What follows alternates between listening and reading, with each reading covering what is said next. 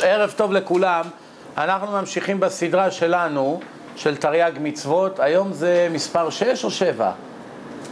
7. מה שחשוב זה שהיום אנחנו מתחילים מצווה 130, כן, מתקדמים לא רע. והמצווה האחרונה שהייתה לנו בשבוע שעבר הייתה מצוות קורבן אשם ודאי.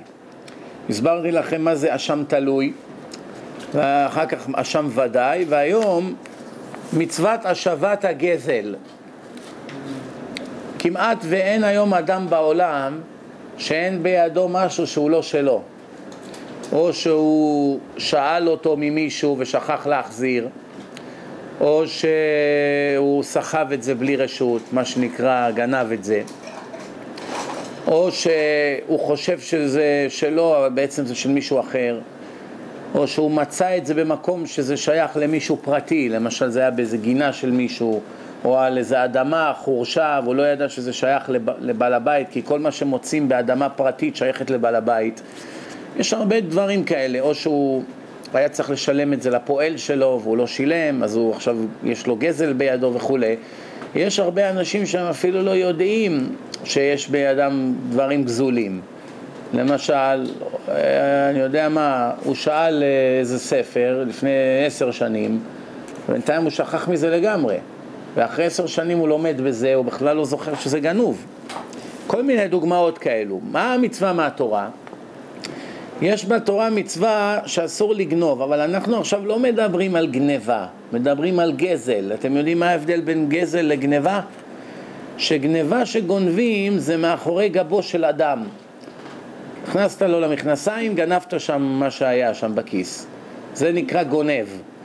גזלה, זה, גזלה פירושו דבר שגנבת בפנים של האדם. זאת אומרת, האדם יודע שזה אצלך. לקחת אופניים ואתה אומר לו לא מחזיר לך. אין בזה עכשיו, יודעים שאתה גונב את זה. או אתה חייב למישהו כסף ואתה לא אומר לו אני לא משלם לך, זה נקרא גזל, כן? מה, מה יותר גרוע, להיות גנב או גזלן? לגנוב בפנים שלו או לגנוב מאחורי גבו? גנב. למה גנב? בגלל שאתה לא מפחד מהשם. יפה מאוד. עכשיו, ההבדל בין גנב לגזלן, שגנב הוא פוחד מהאדם, לכן הוא גונב לו מאחורי גבו. והגזלן הוא מצפצף עליו, הוא גונב לו בפניו. אז מי יותר גרוע? התשובה היא, הגנב הוא לא פוחד מהשם, שומעים? הגנב הוא לא פוחד מהשם, אבל מבני אדם הוא פוחד, כן? אבל הגזלן הוא לא פוחד לא מהשם ולא מבני אדם. ולכן אנחנו רואים פה דבר מאוד מאוד חשוב, שאדם שגנב משהו מסוים בפניו של האדם, יש לו עכשיו חיוב, כן? יש לו עכשיו חיוב להשיב את הגזלה. יש לו חיוב להשיב את הגזלה. מה זה להשיב את הגזלה? ביום שהחזרת לאדם את הגזלה, כמובן אנחנו מדברים שלא עשית לה, שלא עשית לה שום נזק, כן? זה מקום, דבר, דבר ש... שהחזרת אותו בעינו, שלא... למשל, אם לקחת בטריה שהיא 100% מלאה והחזרת אותה רק 20%, אז אתה עדיין גנבת 80%. בטריה מלאה שווה נאמר 2 דולר, בטריה ריקה לא שווה כלום. מה עכשיו אתה מחזיר לו את זה? מה הוא יעשה עם זה? השתמשת ב-80%. אז זה נקרא שאתה עדיין גזלן. אז מה אתה צריך במקרה כזה? צריך לקנות לו חדש. אבל נגיד שלקחת פטיש, אפילו שדפקת מסמר, אתה מחזיר לו את הפטיש, הפטיש, אוי, התחלנו עם האגוזים והשיעול, תשתדלו לא לאכול אגוזים, זה גורם לשיעול תמידי, כן? אז עכשיו ברגע שאתה מחזיר את הפטיש, הוא אפילו לא יכול לדעת שהשתמשת בו, כי מה שנקחת זה מה שהחזרת. זה נקרא והשיב את הגזלה, כן? בואו נראה אם יש עוד כמה דברים... ש... זה כבר זה לא נקרא? ברגע שהשבת את הגזלה, תיקנת. עכשיו, יש באמת מחלוקת בין חכמים, האם זה נחשב שאף פעם לא עברת את העבירה, או שעברת את העבירה, ועכשיו עשית תשובה, כמו בכל שאר הדברים. האם ברגע שהחזרת את החפץ לאדם, זה נחשב כאילו עכשיו תיקנת את המצב, כאילו אף פעם זה לא היה אצלך? לא. נגיד שהתנצלת וביקשת סליחה והוא מחל לך והכל. האם זה נחשב לך שעשית עבירה, או שעכשיו שהשבת זה כאילו אף פעם לא עשית עבירה? מה ההבדל? אדם שרשום לו בתיק שלו שהוא נעצר ואחר כך שוחרר, זה לא אותו דבר כמו אדם שאף פעם לא נעצר, מבינים כולם, נכון? עכשיו השאלה מה מחשיבים לך בשמיים? כשאתה מגיע לשמיים מראים לך עכשיו שגזלת ואחר כך מראים לך שעשית על זה תשובה או שזה כמו שאר הדברים שתשובה מוחקת את זה וזה בכלל לא מופיע במשפט מה אתם אומרים? לא זה תלוי נו, במה זה תלוי? אם, אה, אם הבחור סלח כמה הוא התבייש בזה שהוא החזיר משהו כזה אז יש בזה כל מיני קריטריונים אוקיי, okay. so מה זה חשוב עכשיו באמת? התשובה היא ככה, תשמעו, שאדם באמת מבחינת עונש אין הבדל, אבל מבחינת בושה יש הבדל. למה? כשאתה בא לבית דין של מעלה ומראים לך שעשית עבירות נוראיות ועכשיו מראים לך גם שעשית עליהם תשובה. אז מצד אחד על זה שעשית תשובה עושים לך כבוד גדול בשמיים, כשאתה בעל תשובה. מצד שני עכשיו כל העולם בבית דין של מעלה, בעולם האמת, כולם רואים עכשיו שהיית עם קריסטין בבית מלון. זו בושה נוראית. מה אומר הארי הקדוש? שצריכים מהדמעות שבוכים ביום כיפור ובתפילות לקחת את הדמעות מהעיניים ולמרוח את זה על המצח וזה מוחק ממך את כל האות קין שיש לאדם כי את כל המצוות והעבירות של האדם רואים על המצח שלו והצדיקים כגון הסטייפלר, אבא של רב חיים קנייבסקי, כל מי שנכנס אליו לחדר היה מוריד את הכובע על המצח מפחד. למה? כבר ראו שהוא יודע על אנשים הכל, הוא היה מסתכל על אדם במצח, אומר לו בדיוק כל מה שהוא עושה. רוח הקודש היה לו. ואנשים היה, זה היה ידוע, שנכנסים אליו, מורידים את הכובע, ככה באלכסון, שיסתיר את המצח, שלא יראה. למה? הוא לא היה עושה חשבון. הוא היה רואה איזה חוטא, איך שהוא נכנס, מסתער עליו. צא מחדרי, תחזור בתשובה ות, ותחזור. ככה הוא היה צועק. משהו מבהיל. בקיצור, זה עיניים קדושות של בן אדם. זה מצוות השבת הגזל, זה מצווה 130. עכשיו, יש לפעמים דברים שנראה כגזל, אבל באמת הם לא גזל. למשל, מצאת ברחוב משהו, אבל הבן אדם שאיבד את זה כבר התייאש. התייאש מזה כבר, זה כבר מופיע, זה שנה שם זרוק. אותו אדם התייאש כבר, ועכשיו שאתה לקחת את זה, שאתה לקחת את זה, באמת היית צריך להשיב את הגזלה, אבל כיוון שהוא התייאש אז אתה פטור מעונש. למה? היה לו כבר ייאוש, כן? כמה אדם צריך לטרוח כדי להחזיר את הגזלה?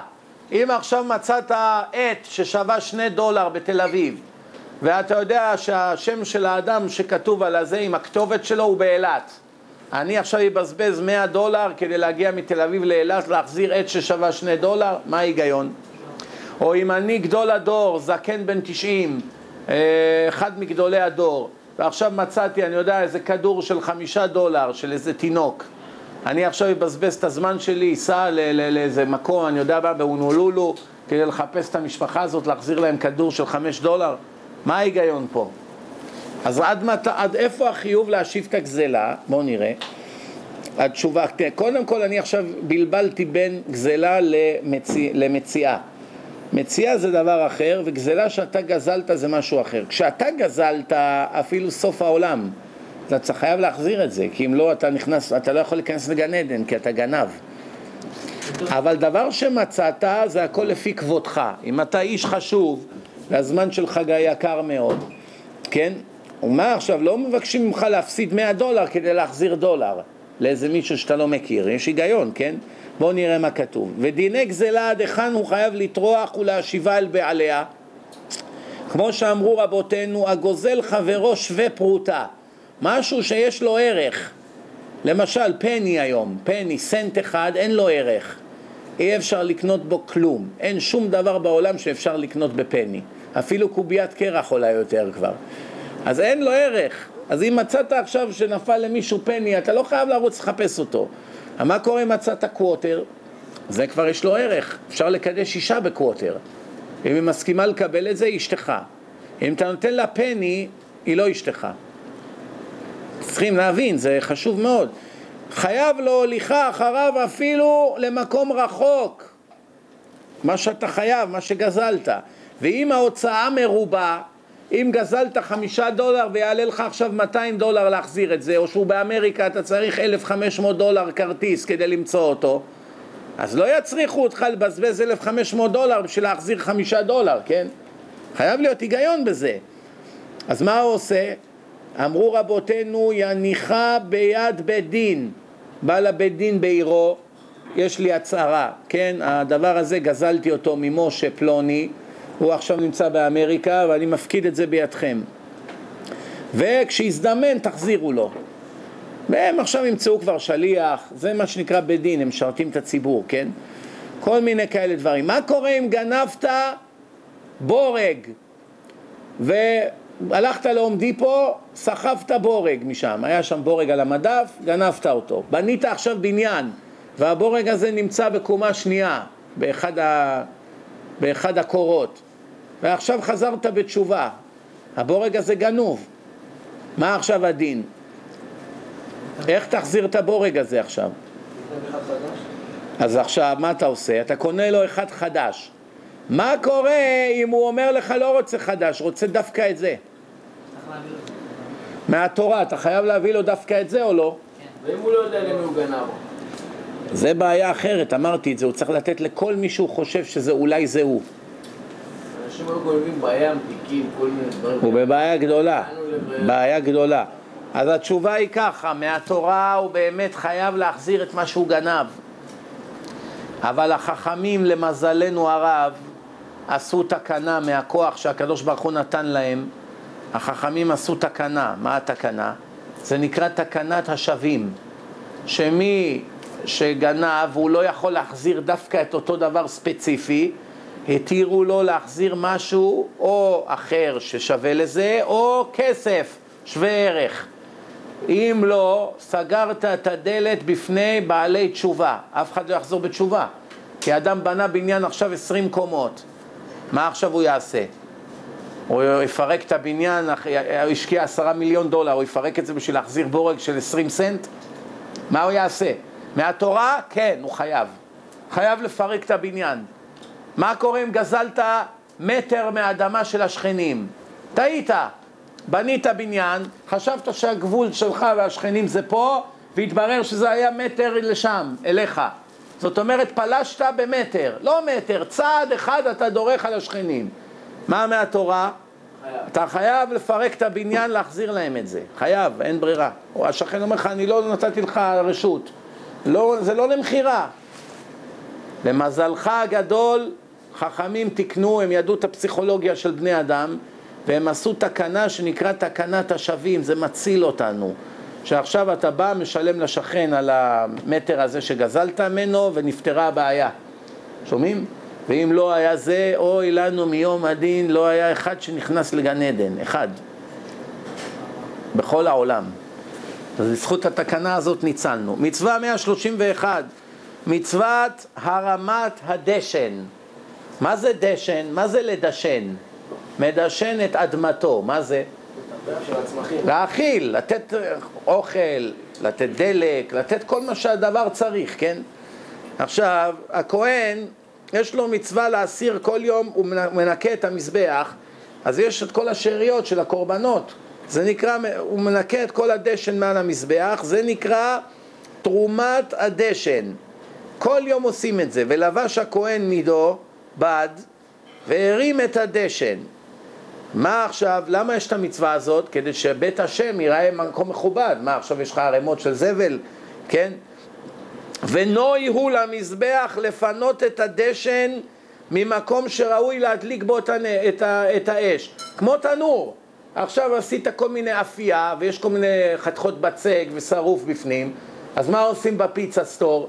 יש להם מין מטאטא כזה ומטאטאים, מטאטאים את כל האפר, כל מה שנפל, שאריות, אני יודע מה, זיתים, כל מיני דברים שנפלו במשך הזמן, כל כמה זמן יש לו מטאטא ארוך, הוא מנקה את זה, מסדר, ואוספים ומנקים את זה. זה נקרא מצוות הרמת הדשן, שמרימים את כל מה שהיה, כן?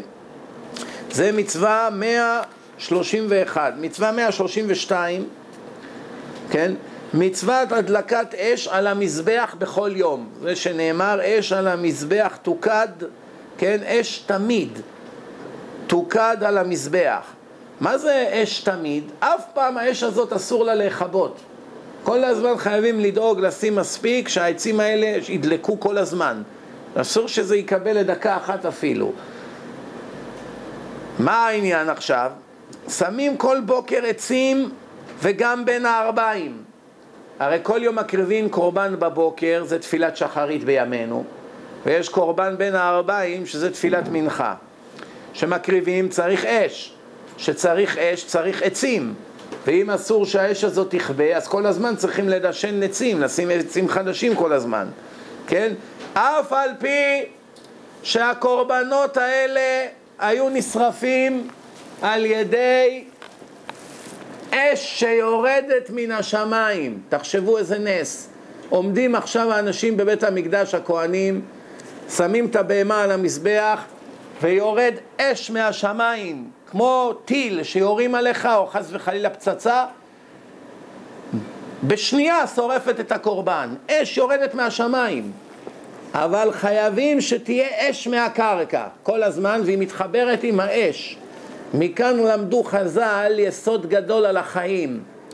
מי שמבעיר אש בנשמה שלו להשם, איך אומרים, הנשמה שלו בוערת מתשוקה לקדוש ברוך הוא, אז הקדוש ברוך הוא מרעיף עליו אש הרבה יותר גדולה מן השמיים. אתה מדליק גפרור והקדוש ברוך הוא שולח עליך מדורה מבעיר לך את הנשמה בתשוקה אליו, ואז אתה מתקרב אליו, ופתאום התורה היא מתוקה, ואתה נהנה מכל רגע, אתה לא יכול לעשות עבירות, ואתה שומר על העיניים, ואתה מקפיד בכשרות, ופתאום מתלבש כמו רב. איך זה בא כל זה? הדלקת אש קטנה מלמעלה, ומהשמיים אש על המזבח תוקד תמיד. זה יסוד חשוב מאוד, אבל אין אש מלמטה לעולם לא תהיה אש מלמעלה. אם האש כבתה מהמזבח, לא ירד אש מהשמיים. מכאן אנחנו רואים עוד יסוד, שאדם חייב להשתדל. תמיד אתה צריך לעשות משהו, להתאמץ, ללכת, להשתדל, אפילו בפרנסה, אתה הולך קצת, עושה טלפונים, אה, אני משתדל, מבקש מחבר, תסדר לי פגישה, תעשה משהו, כל מיני דברים, וזהו, אסור לך להרוג את עצמך, אבל אתה קצת צריך להשתדל. אתה הולך עובד שעתיים ביום, והשם עוזר לך עם כל השאר. אתה מראה שאתה משתדל להשיג פרנסה. אפילו שלמשל, לדוגמה היום, אם אתה מורה בבית ספר, אין לך בכלל סיכוי להרוויח מספיק כסף כדי לפרנס את המשפחה שלך. אין לך סיכוי. יש לך חמישה ילדים, וההוצאות שלך זה איזה שבע, שמונה אלף דולר בחודש אם אתה חי בניו יורק. אף ישיבה לא משלמת למלמד כזה משכורת, אפילו לא חצי.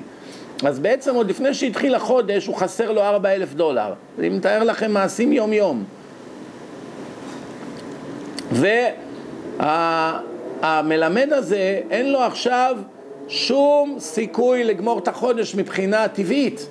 והנה אתה רואה שהקדוש ברוך הוא עוזר והם כולם שורדים, בניסים. זה נתן לו צ'ק, זה נתן לו מתנה, אבא של אשתו עזר, פה הוא לימד איזה ילד אחרי הצהריים, פה ככה, פה נתנו לו מהממשלה, כל מיני דברים שכל פעם מתגלגל, וככה האדם הזה איכשהו שורד. למה זה? אז היסוד בזה, הרבה הרבה אנשים שואלים אותי, עד איפה ההשתדלות? אז היסוד הוא, אין לנו עכשיו זמן, כי זה לא שיעור מוסר, על זה כבר דיברנו בשיעורים האחרים, אבל רק כדי שנבין, אז אנשים שואלים אותי, עד איפה אני מחויב להשתדל? אז הנוסחה היא פשוטה מאוד. כמה שיש לך יותר אמונה בקדוש ברוך הוא, ככה אתה פרות צריך להתאמץ. אם אתה ברור לך ואין לך דאגה בלב, אתה אף פעם לא פוחד, אתה יודע שהכל במילא בא לך ברגע הנכון מהשם, אתה יושן טוב בלילה, גם אם מחר עומדים לזרוק אותך לרחוב, אין לך שום פחד, אתה לא צריך כמעט להשתדל בכלל. חמש דקות בשנה, מספיק. אבל אם אתה כל הזמן פוחד, מה יהיה? יהיה לי עוד שבוע, יש לי ביל פה לשלם, יסגרו לי את החשבון, כל הזמן אתה בפחדים, בלחצים, אתה צריך להשתדל הרבה. כי אתה קטן אמונה, אין לך אמונה, אתה צריך להתאמץ. אבל אני ראיתי תשובה מהרב אלישיב שהיא מאוד יפה. הרב אלישיב הוא גדול הדור והוא ככה, הוא שאל אותו מישהו עד, איך, למשל, שמציעים לי עבודה שהיא אפילו לא מכסה חצי מההוצאות שלי. אין לי סיכוי. לקחת את העבודה או לחיות מהצדקה? מה הוא אמר?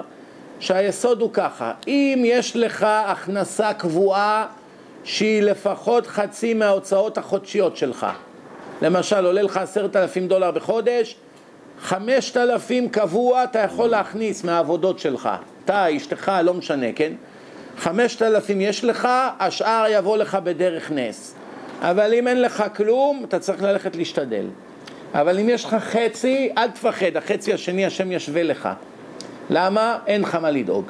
אבל אין לך כלום, אתה צריך עשרת אלפים דולר ואין לך אמונה, אתה קטן אמונה, אתה חייב ללכת לעבוד. אתה צריך למצוא עבודה, אתה צריך לרוץ, להשתדל, לענות למודעות, לעשות טלפונים, ללכת לפגישות, לנסות לעבוד עוד שעה, עוד שעתיים, אין ברירה.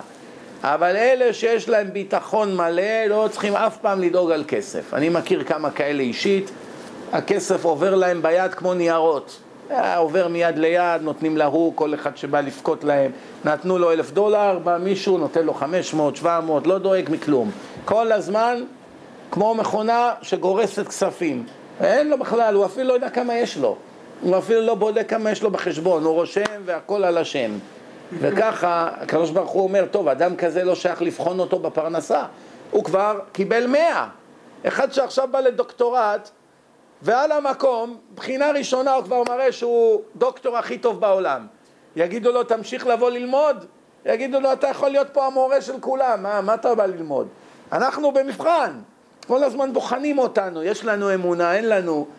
אבל אחד שאתה רואה הביטחון שלו מלא, אתה אומר לו, תשמע, אני עוזב אותך מה Empire State Building ואני מחזיק אותך ואני עוזב אותך, אבל אל תפחד, אני שומר עליך. אומר, אין בעיה, עזוב, לא פוחד. אז אחד כזה הוא כבר בוטח בך אחוז הבן הזה. יש לך כזה בן, אתה, אתה אומר לו, אל תדאג, אני זורק אותך למים העמוקים, אבל אני משגיח עליך. אומר, זרוק. למחרת עוד פעם, זרוק, זרוק, אני לא פוחד, אני סומך עליך. אין מה לנסות אותו יותר, במה תנסה אותו? כבר לא פוחד מכלום. אבל אנחנו כולנו פחדנים, ובגלל זה כולנו צריכים להזיע ולהתאמץ ולקום בבוקר ולהתחנן לכסף, ולא שילמו לך, ובתי משפט, וככה, וחלק נהיים גנבים בגלל זה, ומרמים ומשקרים ומזייפים ומוכרים גנוב וקונים גנוב ומוכרים סמים, כל זה בא מטיפשות וחוסר אמונה בבורא עולם. שזה מוליך אותנו מ... מהפחת אל הפחת. אוקיי, נמשיך הלאה. מצווה 133. אמרנו, קודם כל צריכים לדאוג שתמיד תהיה אש על המזבח. ואין, מצווה אחרת היא אסור לכבות את האש. אם היית אומר, תראה, התורה אמרה אסור לכבות את האש, אבל אם האש הפסיקה לבד, אני לא כיביתי. אז יש שני מצוות פה. מצווה אחת לדאוג שהיא אף פעם לא תיכבה אפילו לבד. ומצווה שנייה, לא לכבות אותה בידיים לעולם. אז אני שואל שאלה, למה צריך שני מצוות? תלמד אחד מהשני, מקל וחומר. אם אסור לדאוג שלעולם האש לא תכבה לבד, קל וחומר שאסור לכבות אותה בידיים, לא? למה הקדוש ברוך הוא נתן שני מצוות מתוך תרי"ג מצוות על אותו עניין? אחד הייתי לומד מהשני, לא צריך שני מצוות. נו, בואו נראה מי פיקח פה. להבין שזה חמור אולי? ברגע שאתה אומר שאסור לתת לזה אף פעם להיקבות, מבינים שזה חמור. אז אי אפשר להבין בלי זה? לא, דווקא כן אפשר להבין. מה אתם אומרים? שזה גם יותר מצוות. כל שנייה שאנחנו לא מכבדות אז זה גם מצוות. אמרו חז"ל, אפילו הוריד האש מעל המזבח וקיבהו לוקה. מה קורה? עכשיו הרמת את העצים האלה מעל המזבח, הוצאת אותם, שמת אותם בחוץ, ואז כיבית אותם. לא כיבית אותם על המזבח. לקחת את העצים, יש הבדל בין לכבות אותם לבין לקחת אותם. התורה אומרת, קודם כל אתה צריך תמיד לדאוג שיהיה אש. עכשיו, אם לקחת את העצים החוצה וכיבית אותם, עדיין אתה חייב. למה? כי אתה חייב, אבל, אבל שימו לב, אתה חייב פה עכשיו שניים. אחד, שלא דאגת שהאש כל הזמן תדלוק, והשני, שבידיים הלכת והסרת את האש. אבל השאלה שלי עדיין בעינה עומדת. אם אסור שאף פעם לא תכבה האש, אז ודאי שאסור לעשות איזו פעולה שתקצר את האש. צריך כל הזמן לדאוג שיש, אז בשביל מה יש שני מצוות? מה אתם אומרים? כי אסור לכבות אותה, זה אומר כאילו לא לכבות אותה, אבל זה שאתה... אני כבר אמרתי לכם את התשובה בשיעורים קודמים, אבל אתם אף פעם לא מקשיבים במאה אחוז, זה הבעיה. אתם חושבים כבר מתי ייגמר השיעור, ויש שניצלים אחר כך. הבנתם מה הבעיה? זה הבעיה. אה, דני? נכון שזה מה שחושבים? בסדר, לפחות אתם בחורים חמודים. גם זה משהו בדור הזה. טוב, התשובה, התשובה, אמרתי לכם שהרבה פעמים הקדוש ברוך הוא מביא את אותה עבירה, פעם בווריאציה של לא תעשה, שזה נקרא לאו, לאו דאורייתא, ופעם אחת בווריאציה של תעשה. למשל, תשביתו שעור מבתיכם. זה עשה או לא תעשה? תשביתו, זה עשה. לא ייראה לך חמץ, או לא יימצא לך חמץ, זה עשה ולא, או לא תעשה, זה לא, אבל זה בדיוק אותו עניין. לנקות את החמץ מהבית, כדי שלא יהיה חמץ בבית, זה מצוות עשה. לדאוג שלא יהיה חמץ בבית, זאת אומרת שלא יימצא אצלי חמץ, לא יימצא, לא ייראה, זה לא תעשה. אותו עניין, שני עבירות. א', כדי להכפיל את העונש, ב', כדי להראות לך כמה זה חמור בעיני השם, ג', לפעמים, אם עכשיו היה, רק לא, היה לך רק תעשה, למשל תשביתו שור מבתיכם, ולא היה כתוב בתורה לא יימצא, לא היה כתוב. אם הגוי היה בא אליך עכשיו עם אקדח ורוצה לפנות אותך מהבית ואתה עוד לא הספקת לנקות את החמץ, התורה אמרה תשביתו שור מבתיכם ויש לך מיליון דולר בחשבון. היית מחויב מהתורה בגלל שזה מצוות עשה, כל פעם שהגוי מבטל אותך ממצוות עשה אתה חייב לתת לו עד 20 אחוז מהערך הכספי שלך כדי שיעזוב אותך בשקט. אז היית צריך לתת לו 200 אלף דולר כדי שלא יפנה אותך מהבית כי עוד לא ניקית את החמץ. עכשיו שכתוב לא יימצא לך חמץ, אתה צריך לתת לו את כל המיליון. כי על איסור חייבים לתת את כל מה שיש לך. הבנת אדוני שמתגלח בתער ולא מקשיב לי? אם היית מקשיב, היית מבין שאם היו אומרים לך תתגלח בתער, אם לא לוקחים לך עשרה מיליון דולר שחסכת בחמישים שנה, היית צריך לתת את העשרה מיליון דולר ולא להסכים פעם אחת להתגלח בתער. אומרים לך או זה או זה, תחליט. אתה רוצה להתגלח, להתגלח בתער, נעזוב אותך. אתה רוצה לא להתגלח בתער, לוקחים לך עשרה מיליון דולר. היית צריך להגיד, אין ברירה, קחו את העשרה מיליון דולר, אין לי רשות להתגלח בתער. הבנת? כמה חמור העונש בעולם הבא על זה? עכשיו תכפיל את זה באלף פעמים, וכל פעם זה חמש פעמים. כמה פעמים מתגלחים? כל, כל, פעמיים בשבוע, חמישים ושתיים שבועות בשנה, כן? אז בערך מאה, מאה וחמש פעמים בשנה, נכון? כמה פעמים, מגיל 20 נגיד אדם, מגיל 17 מתחיל להתגלח, תעשה חשבון, זה בערך כמה אלפי פעמים, לא? נכון או לא? אז תעשו לעצמכם את החשבון. יש כאלה, עוד הם רק גמרו להתגלח בצד הזה, כבר גודל בצד השני. גמר את הצד השני, התחיל, יש לי חבר אחד כזה. לא, למה אתה לא מתגלח? אומר, אין טעם. עוד לא הנחתי את המכונה, כבר התגלה לי בצד השני. אז או, גשם. וכולי. בקיצור, זה הנקודה. טוב, עכשיו מצווה 134, שנצטוו הכהנים לאכול שיירי מנחות, זה מצוות אכילת שיירי מנחות. מה זה מנחה? אתם זוכרים בשיעור שעבר, הסברתי לכם מה זה מנחה? מתנות שהיו מביאים לבית המקדש, מה זה המנחות האלה? קמח, סולת, בלולה בשמן, כל מיני מין עוגות כאלה שהיו מביאים, והכוהנים לפעמים לטוב או לפעמים לרע, נגיד הכהן כבר מלא, אין לו כבר מקום לאכול, אין ברירה, הם צריכים לגמור את זה. שנצטוו הכהנים לאכול שיערי מנחות. כל מה שנשאר הם צריכים לאכול. תראה, כל דבר שאדם אנוס והוא לא יכול לקיים הוא פטור. למשל, אם אדם יש לו מחלת נפש שהוא צמחוני, זה סוג של מחלת נפש להיות צמחוני, לא אוכל בשר. עכשיו, אדם כזה, עד שהוא לא יקבל טיפול פסיכולוגי ויסבירו לו שבשר זה חלק מהחיים, והקדוש ברוך הוא עשה את העולם ככה שאדם יאכל בשר ועוף ודג וכל מה שצריך. אני אף פעם לא מבין את אלה שדואגים לחיות, זה בכלל טיפשות. למה אם אתה דואג לחיות, למה אתה אוכל דגים? מסכנים הדגים, מה, להרוג אותם מותר? אז למה אתה, למה אתה שם חגורה מאור? למה אתה לובש מעילור? למה יש לך ספה מאור בבית? יש מיליון דברים. אם אתה אמיתי, אז אסור לך לעולם ליהנות ממשהו שנוצר על ידי הרג של חיות. חצי מהתרופות שאתה קונה בבית מרקחת הרגו בחיות בשביל לעשות מעצמות שלהם תרופות. ג'לטין בכל עוגה שאתה אוכל, הרגו חיות בשביל לקחת.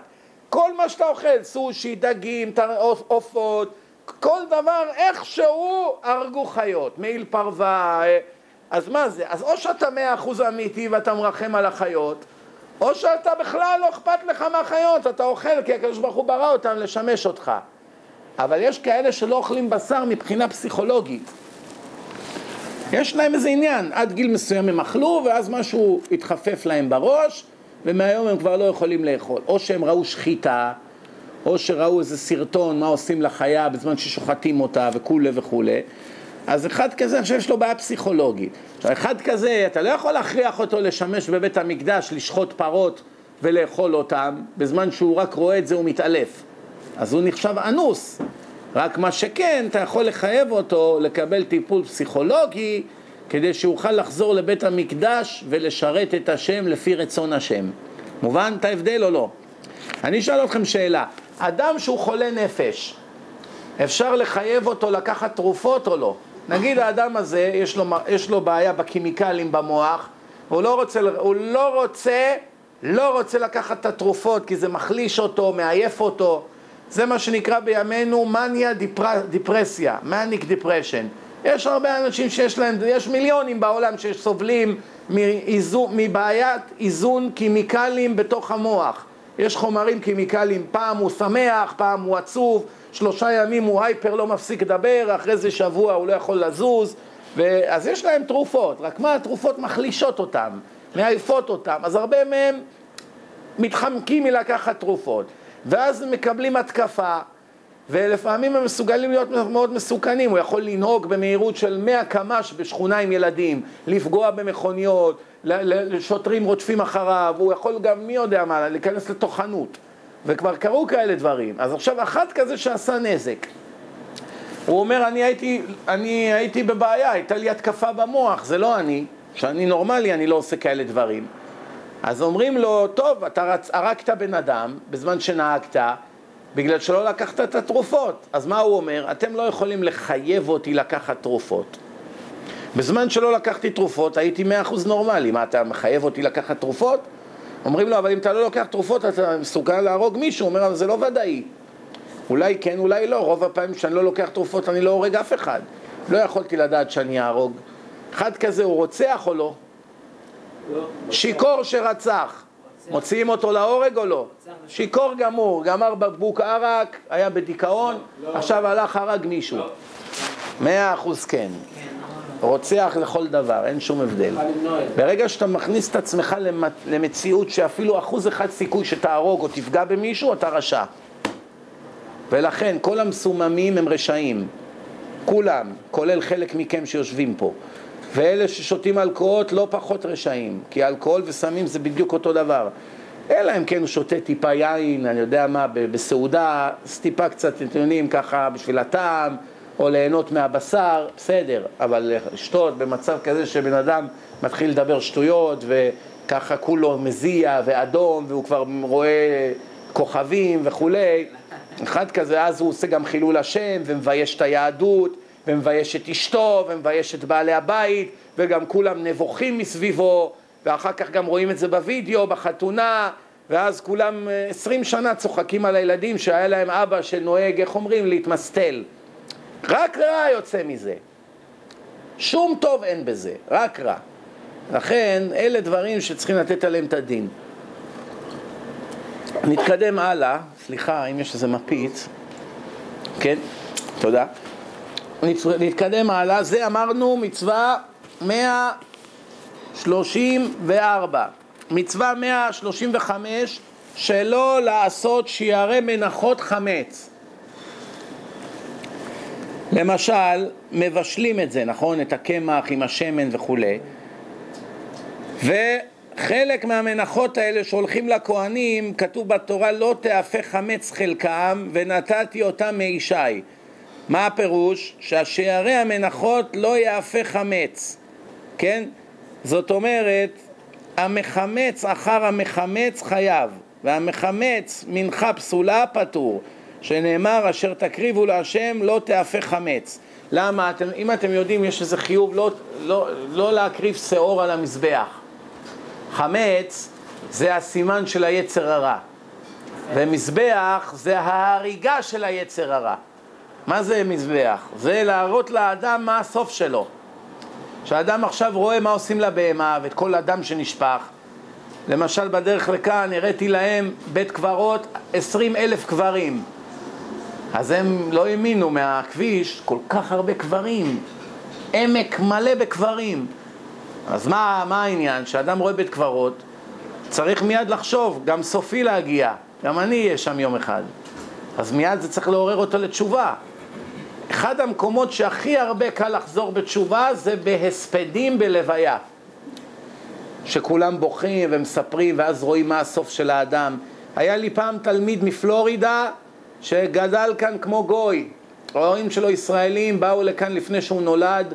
הוא נולד כבר במיאמי וגדל כמו גוי לכל דבר. ויום אחד אמרו לו, לב טוב תמיד היה לו, למזלו, ויום אחד אמרו לו, אתה רוצה להתנדב שבוע ברחיצת מתים? אז הוא אמר, מה זה רחיצת מתים? אמרו לו, כל אדם שנפטר עושים לו טהרה. לוקחים דליים ושופכים עליו כמה גלונים של מים, כן, אחרי שמורידים את הבגדים, מתארים את הגופה ומכינים אותה לקבורה, מכניסים אותה בתוך פשתן וכולי. אז הוא, הוא מהתמימות שלו אמר כן, ואז הביאו איזה מיליונר רציני לקבורה, אחד של מת, ולוויה גדולה, המון אנשי עסקים וזה, והוא היה צריך כמה שעה שלפני לתאר את הגופה. ואז הוא ראה פתאום את האיש העשיר הזה שוכב ככה עירום על, ה... על השמיטה שם, הוא צריך לשפוך עליו מים ולהזיז אותו, הוא מלא באוויר וכבר מתחיל להריח, והוא ראה מה הסוף של האדם וזה עורר אותו להתחיל לחשוב על החיים. ומכאן עד להגיע אלינו למונסי לישיבה הדרך הייתה קצרה מאוד. זה יוצא שמה הציל אותו? שהוא ראה מת ביום קבורתו, זה זעזע לו את הנשמה. אם הוא לא היה, יכול להיות שעד היום הוא היה בחוף הים במיאמי, עם הגיל באוזן. הוא לא היה מתעורר לתשובה. הלאה, נתקדם.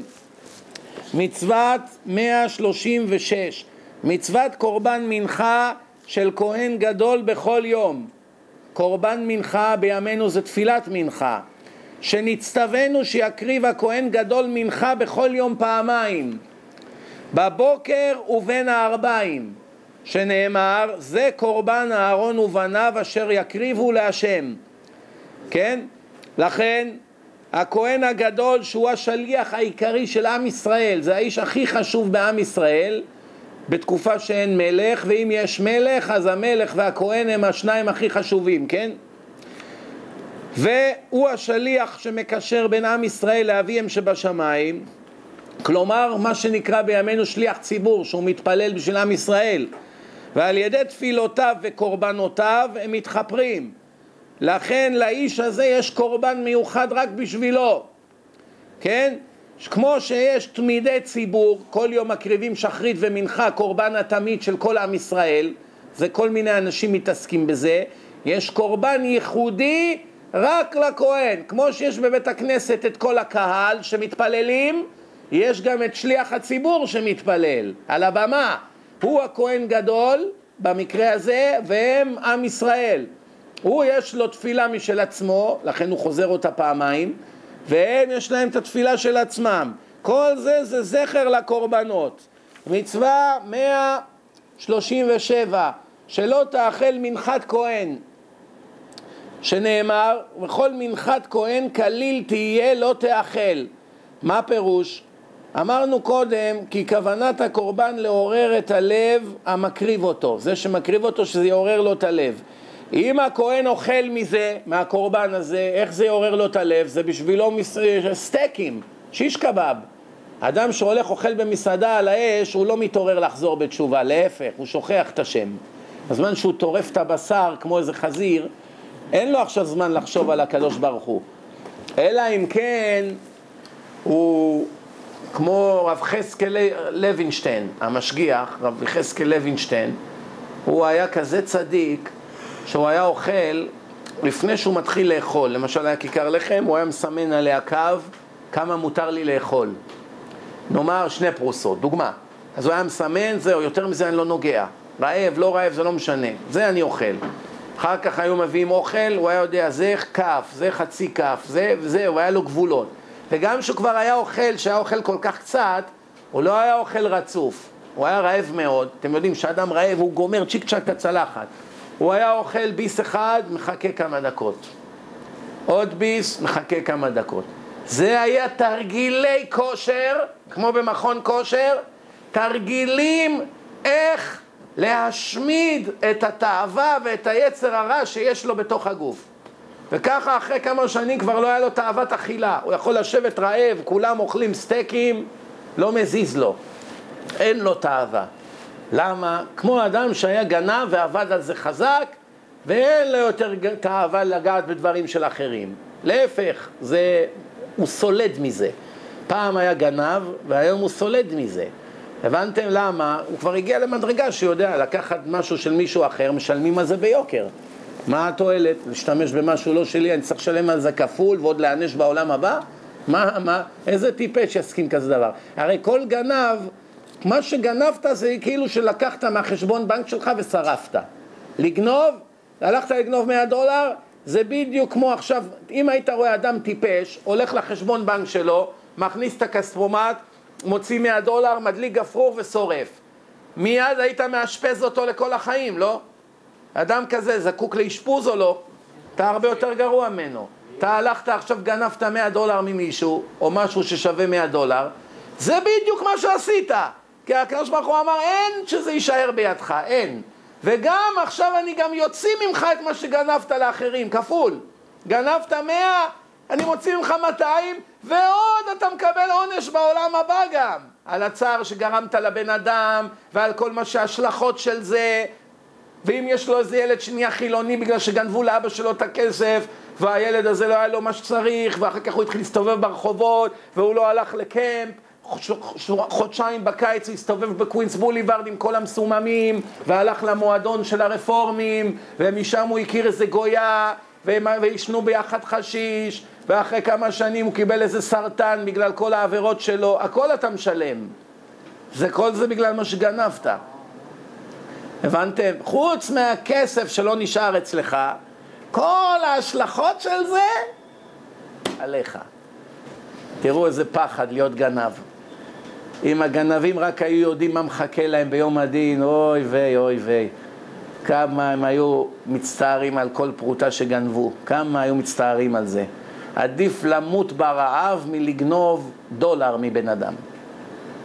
לגנוב דולר. אתם יודעים, הרב משה פיינשטיין שלחו לו כל שבוע בדואר, מה, לא כל, כן, שבועון, כל שבוע זה יוצא, של דברי תורה. ואלה שכותבים את השבועון, כמעט כל השבועון כותבים נגד הרב משה פיינשטיין. איך הוא פסק ככה, איך הוא פסק ככה, איך הוא התיר ככה, מה הוא אומר, מחילה מכבודו, זה טעות, זה שטויות, ושולחים לו את זה לבית. אחרי איזה חודשיים שהם ראו שהם לא קיבלו ממנו כסף ברוב חוצפתם, מתקשרים אליו, אומרים לו, אנחנו שולחים לך את השבועון הזה כבר חודשיים ועוד לא שילמת. אז הוא אמר להם, אני לא הזמנתי את זה מעולם. איך אתם בכלל שולחים לי את זה? מה? אמרו לו, אנחנו מצטערים, כבר שלחנו לך. אומר, אין בעיה, כמה אני חייב לכם? אמרו לו, כמה הוא חייב? אומר, אני שולח לכם על זה צ'ק, אבל בבקשה מהיום והלאה אל תשלחו לי את זה. אז הוא שלח להם צ'ק, אז העוזר שלו אמר לו, כבוד הרב, האנשים האלה מבזים אותך בשבועון, כותבים נגדך דברים, מבאישים את שמך בעולם, ואתה עוד משלם לרשעים האלה? מה ההיגיון פה? זה מה שהשם רוצה? שנהיה פריירים בעולם? להיות צדיק זה להיות פרייר? אז הוא אמר לו, אתה צודק, מבחינת הדין אני לא חייב להם כלום. כלום אני לא חייב להם. אין להם תביעה נגדי. אבל אני קיבלתי על עצמי עוד בצעירותי שאני לא אעזוב את העולם הזה ויהיה אדם אחד בעולם שיהיה לו טענה נגדי. אפילו אם אני צודק. אני רוצה לעזוב את העולם שאף בן אדם בכדור הארץ לא יוכל לבוא ולהגיד כן, אבל הוא פגע בי, כן, אבל הוא לא שילם לי, כן, אבל הוא לא מאה אחוז. זה, ה, זה, ה, זה, ה, זה, ה, זה הגול שלי בחיים, שומעים? תראו מה זה אדם גדול. זה רק לפני עשרים שנה היה, זה היה פה, פה בניו יורק, הוא חי. זהו, זה המציאות. מה, איך, לאיזה מדרגה אפשר להגיע מכוח התורה. טוב, אה, אז אמרנו שהכהן, אם יאכל את זה, אז כבר מאבדים מהערך של הקורבן. מה, תחליט, אתה מקריב את הקורבן ושורף אותו כדי להתעורר, או כדי לאכול סטייקים? זה דבר והיפוכו. יש קורבנות שזה שמחה, חגים, מתנות, שאוכלים באמת מהבשר. כל המטרה הייתה לשמוח, לא עכשיו זמן של תשובה. אבל קורבנות של תשובה וכאלו, המטרה היא לעורר את הלב. מצווה 138, מצוות מעשה החטאת, לא נשאר עוד הרבה זמן, אני מקווה להגיע ל-140. מצוות מעשה החטאת. הרי אמרנו שהכוהנים חייבים להקרים קורבן חטאת של בהמה או עוף, כן? איך שוחטים, איפה שוחטים, איפה מקריבים, איך משפריצים את הדם, זה נקרא הזעה, מזים את הדם, מק, מקום אכילתם, זמן אכילתם, השרפה של חלק מהקורבן, כל הדברים האלה הם עמוקים מאוד ואין לנו בהם שום הבנה. זה הכל דברים סודיים, נשגבים מהבנתנו. אנחנו לא יכולים להבין למה הקדוש ברוך הוא עשה ככה את העולם, שכל דבר קטן פה חשוב.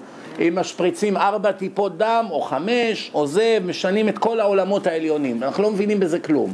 לכן זה כמו רובוט, גזירת הכתוב, ככה השם אמר, אסור לזוז מזה. זה הקורבנות, כן? אז אנשים שמביאים קורבן חטאת, אחד שחטא באיסור כרת בשוגג, הוא צריך להביא קורבן חטאת, והכוהנים עושים את כל זה. זה מצווה מהתורה, זה היה מצווה 138. מצווה 139 אסור לאכול מבשר החטאת שנעשה בפנים. קורב... הכהנים, אסור להם לאכול מהקורבנות של החטאת שהרגע דיברנו עליהם, כן? אחרי שהיזו את הדם על המזבח, בפנים היה היכל, בבית המקדש היה היכל, כן? שנאמר וכל חטאת אשר יובא מדמה אל אוהל מועד לכפר בקודש לא תאכל באש תישרף אסור לאכול מקורבן חטאת הכהן שעכשיו שחט וחתך ושרף את הקורבנות, הוא לא יכול עכשיו לקחת איזה חתיכה לצלות לעצמו ולאכול. גם משלו, גם משל החוטאים, גם של החגים. רוב הקורבנות היה ממה שתורמים לבית המקדש, מחצית השקל, היה תרומות לבית המקדש, ומהכסף הזה הם מממנים קורבנות של החגים, של קורבנות של הציבור, שילמו מהקופה של בית המקדש. קורבנות של יחידים שצריכים להקריב קורבן, הם משלמים. כל העניין שתרגיש את הכאב. עכשיו אתה צריך להביא כבש לבית המקדש, אתה צריך לקנות כבש, עולה לך כבש. פעם הבאה לא תחלל שבת. בשוגג, במזיד זה הוצאה להורג. בשוגג, בטעות. עשית חילול שבת בטעות. אתה צריך עכשיו שבועיים לנסוע עד לירושלים עם עגלה וסוס בחורשות, בערים, לא היה כבישים כמו היום. לעמוד שעות בתור, יקריבו את הכבש שלך, לעשות וידוי, לבכות, להתפלל, לבקש סליחה, עכשיו שבועיים לחזור חזרה לטבריה עם עגלה וסוס, חודש ימים של ייסורים בשביל טעות אחת קטנה בשבת. בטעות, אני יודע מה, הדלקת בטעות חשמל, או נגעת בטלפון, עשית טקסט מסאג' או משהו כזה בשבת. רק על זה תראה חודש, בינתיים פשט הרגל, הפועלים גנבו אותך, מי יודע מה. כל זה על חילול אחד שבת. תארו לכם החילונים שמחללים מיליון פעם בשבת, שבת, כמה פעמים על כל אחד ואחד הם צריכים לשלם, כפול כל החיים. הבנתם מה זה לא להיות שומר מצוות? זה לא דבר פשוט, זה, יש על זה מחיר שאי אפשר, אי אפשר לדמיין את המחיר. והמצווה האחרונה להיום, מצוות מעשה האשם, מצווה 140, שנצטווינו שיעשו הכהנים מלאכת קורבן האשם. יש קורבן חטאת, יש קורבן שלמים, יש קורבן אשם, יש כל מיני קורבנות, כן? מה זה הקורבן הזה שנאמר? זאת תורת האשם, כן? וכמו שאמרנו קודם, אנחנו לא יכולים להבין את הסודות של הקורבנות, למה אחד ככה ואחד ככה, זה דברים עמוקים מאוד, מהעמוקים ביותר שיש בתורה. ומה באמת אפשר בקצרה, כי יש הרבה דברים שאפשר להגיד על זה, האשם אינו בא לעולם אלא מזכרי כבשים בלבד, רק כבשים זכרים, לא נקבות.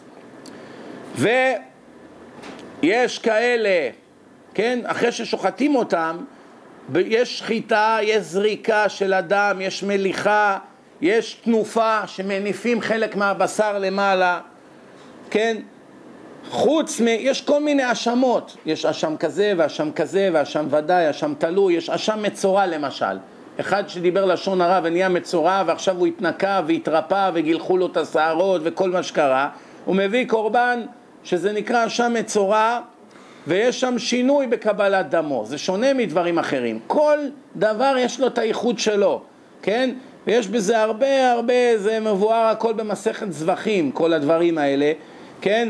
וזה רק כמובן בזמן שבית המקדש קיים, רק על ידי כהנים זכרים, נקבה לא יכולה לשחוט את זה, או ישראל לא יכול לשחוט את זה, רק כהנים זכרים, והעובר עליה, קורבן, קור, קור, כהן שלא הקריב את האשם, נתנו לו ולא עשה כמו שצריך, אז הוא ביטל מצוות עשה.